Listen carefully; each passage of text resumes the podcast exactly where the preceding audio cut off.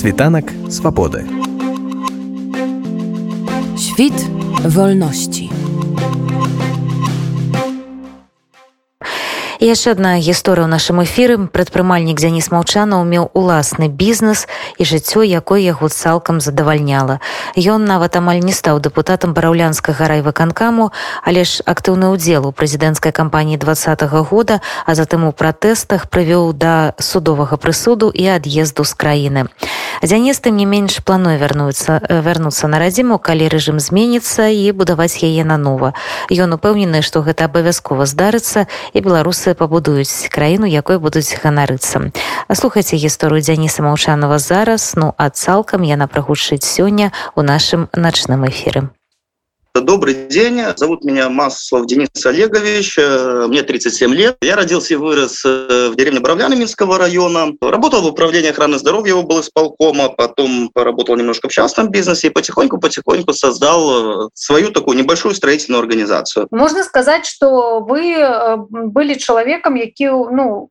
збольшага быў скажем так жыццём задаволеным калі пачаліся падзеі двадцатого года якім чынам яны вас кранулі і чаму вы вырашылі прыняць актыўны удзел ва ўсіх тых грамадска-палітычных працэсах якія былі запущены у двадцатом годе вы знаете я как-то особо как бы никогда не рассчитывал на какие-то там ну поддержку там со стороны государства потому что как-то ну не знаю привык всего добиваться сам в принципе сказать что у меня что-то не устраивало в беларуси нет я работал э, свое удовольствие занимался любимым делом но вы знаете единственное что за вот период э, моей жизни да то есть я где-то по стране ремонтировал ну там маленькие большие незначительные значительные какие-то такие объекты э, для компании Евроопт. У меня где-то порядка, наверное, 34 объектов было по стране. То есть это Брест, Брест, Гродно, Хойники, Наровля, Ельц, Чечерск. Э, то есть такие не очень большие города. И поэтому, знаете, я очень хорошо, четко знал и понимал, ну, как э, люди живут в Беларуси. То есть, несмотря на то, что меня вполне в Беларуси все устраивало, но когда я приезжал в какие-то такие небольшие города, и там мне нужны были люди для того, чтобы как выполнять какие-то работы, стоило просто дать объявление в газету, что там ищу пособника, там, грубо говоря, за 50 рублей в день. И, э, знаете, я видел людей, которые брали отпуска на работе за свой счет, чтобы пойти ко мне работать подсобником за 50 рублей в день. Я прекрасно понимал, что уровень ну, жизни белорусов, он как бы находится на таком, ну, на очень грустном и печальном уровне. Люди там держат какое-то там хозяйство у себя, чтобы выживать, то есть просто выживать в стране. Сказать, что это меня, ну, не волновало, нет, я не могу так сказать. Поэтому где-то, знаете, приближаясь уже к событиям 20 2020 года у меня так э, очень все как бы ну хорошо как бы сложилось все. У меня в конце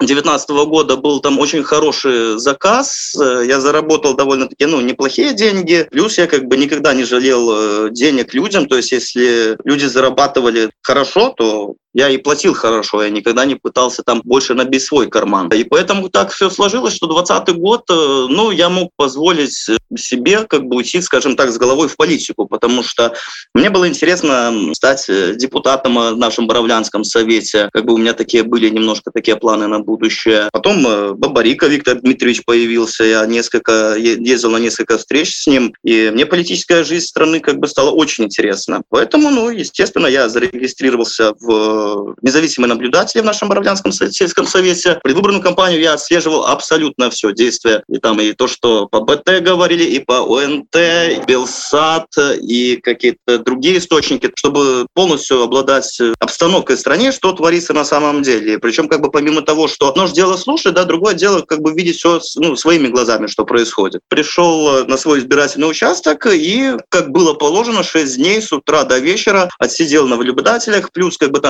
там в один какой-то день не сошлись у нас э, голоса с комиссии, то есть, ну, произошла фальсификация, я, естественно, в милицию быстренько побежал, сообщил, ну, написал заявление в милицию о том, что произошла фальсификация, но знаете, что даже потом, уже как, ну, через какое-то время, я, естественно, ответ там получила бы какой, но, вы знаете, даже несмотря на все эти фальсификации, несмотря на там все эти вбросы, какие-то несостыковки, кандидат Тихановская с разгромным счетом вы, выиграл на президентских э, выборах. И как бы я это как бы не то, что слышал, мне что-то где-то говорили, потому что ну, я сам считал эти голоса, я сам считал этих людей. Это было, скажем, такое начало моего активного участия в политической жизни страны. То есть именно как бы начал с наблюдателей. Подеи 9 жніўня і вось потым 10 11 12 самыя такія Зварушальныя дні калі беларусы асэнсавалі насколькі жорстка рэжым плануе бараніць свае інтарэсы. Ось гэтыя дні дзе былі вы? События 9 августа то есть мы получается до последнего мы были в баравлянах с наблюдателями то есть мы ходили от одного участка к другому и как бы узнавали результаты э, выборов. И уже под конец где-то часиков наверное около 10 мы стояли около баравлянской гимназии и там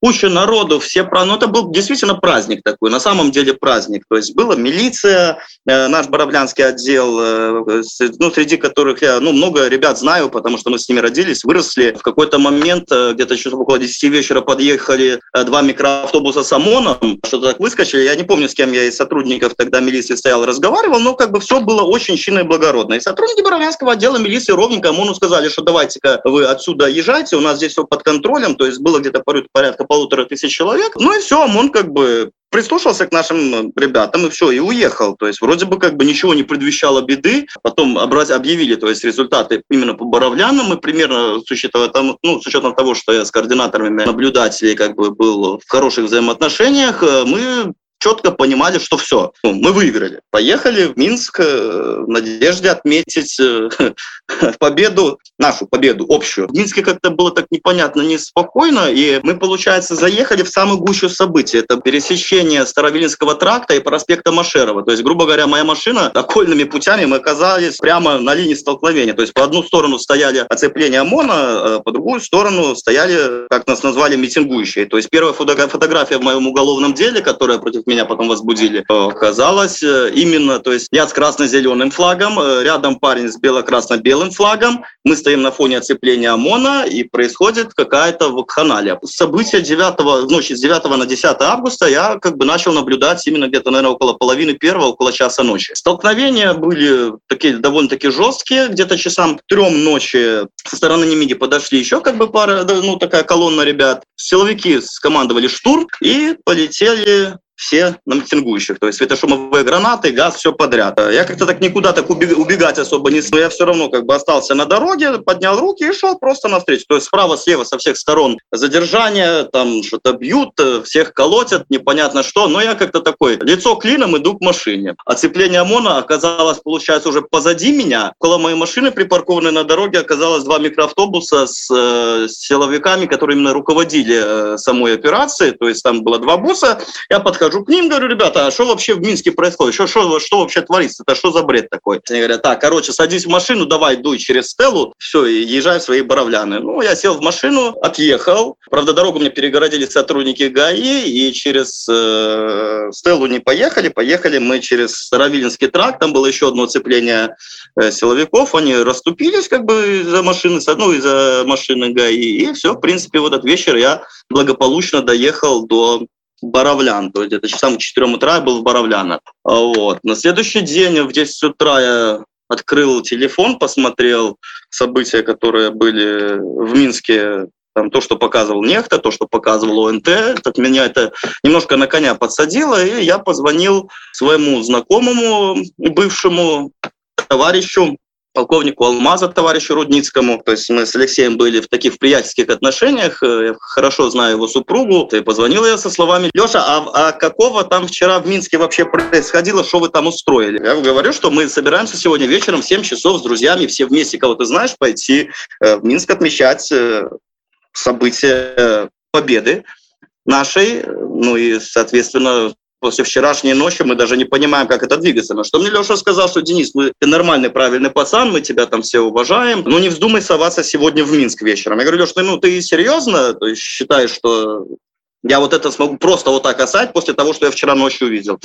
Что мне Леша сказал, Денис, я тебе все сказал и положил трубку. Я сказал, ну, хорошо. Мы проехали вечером в Минске такой, в 7 часов вечера была такая обстановочка, скажем так, ну, такая напряженная, знаете, как будто перед боем, потому что людей особо не было, везде было куча силовиков, куча стоплений, было понятно, что вечером сегодня что-то действительно будет происходить довольно-таки неприятное. Вот. Поэтому я приехал в Боровляны, где-то часов до 9 в Боровлянах, а к 10 я уже поехал в Минск. Ехал я к универсаму Рига, это было где-то около часов 10 вечера. А там уже митингующие, ну, было очень много людей, ребята уже там баррикады собирали, я так сверху Риги смотрел на все это происходящее. Где-то, наверное, часов около 11 из универсама Рига выбежало где-то порядка 20, наверное, силовиков. И так, без объявления войны, просто так, шах, и вот, ну, в толпу закинули светошумовые гранаты. Ребята с баррикад, в свою очередь, ответили фейерверками, эти убежали, и как бы силовики опять же применили газ сразу. Я увидел, что от баррикад оттягивают какого-то одного парня, я подошел к нему, там медики были, они начали ему перевязывать ногу, я говорю, слушайте, пацаны, ну, ребята, у меня машина вон припаркована прямо за Ригой, давайте мне парня этого, ну, забинтовывайте, и я его повез тогда на областную больницу к себе в Боровляны. Они его замотали, я его немножко так на себя подгрузил, занес э, к себе в машину, и мы поехали уже оттуда непосредственно в Минскую областную клиническую больницу, там конечно, уже было кошмар. Там на входе девочки медсестры в слезах, что в Минске идет война,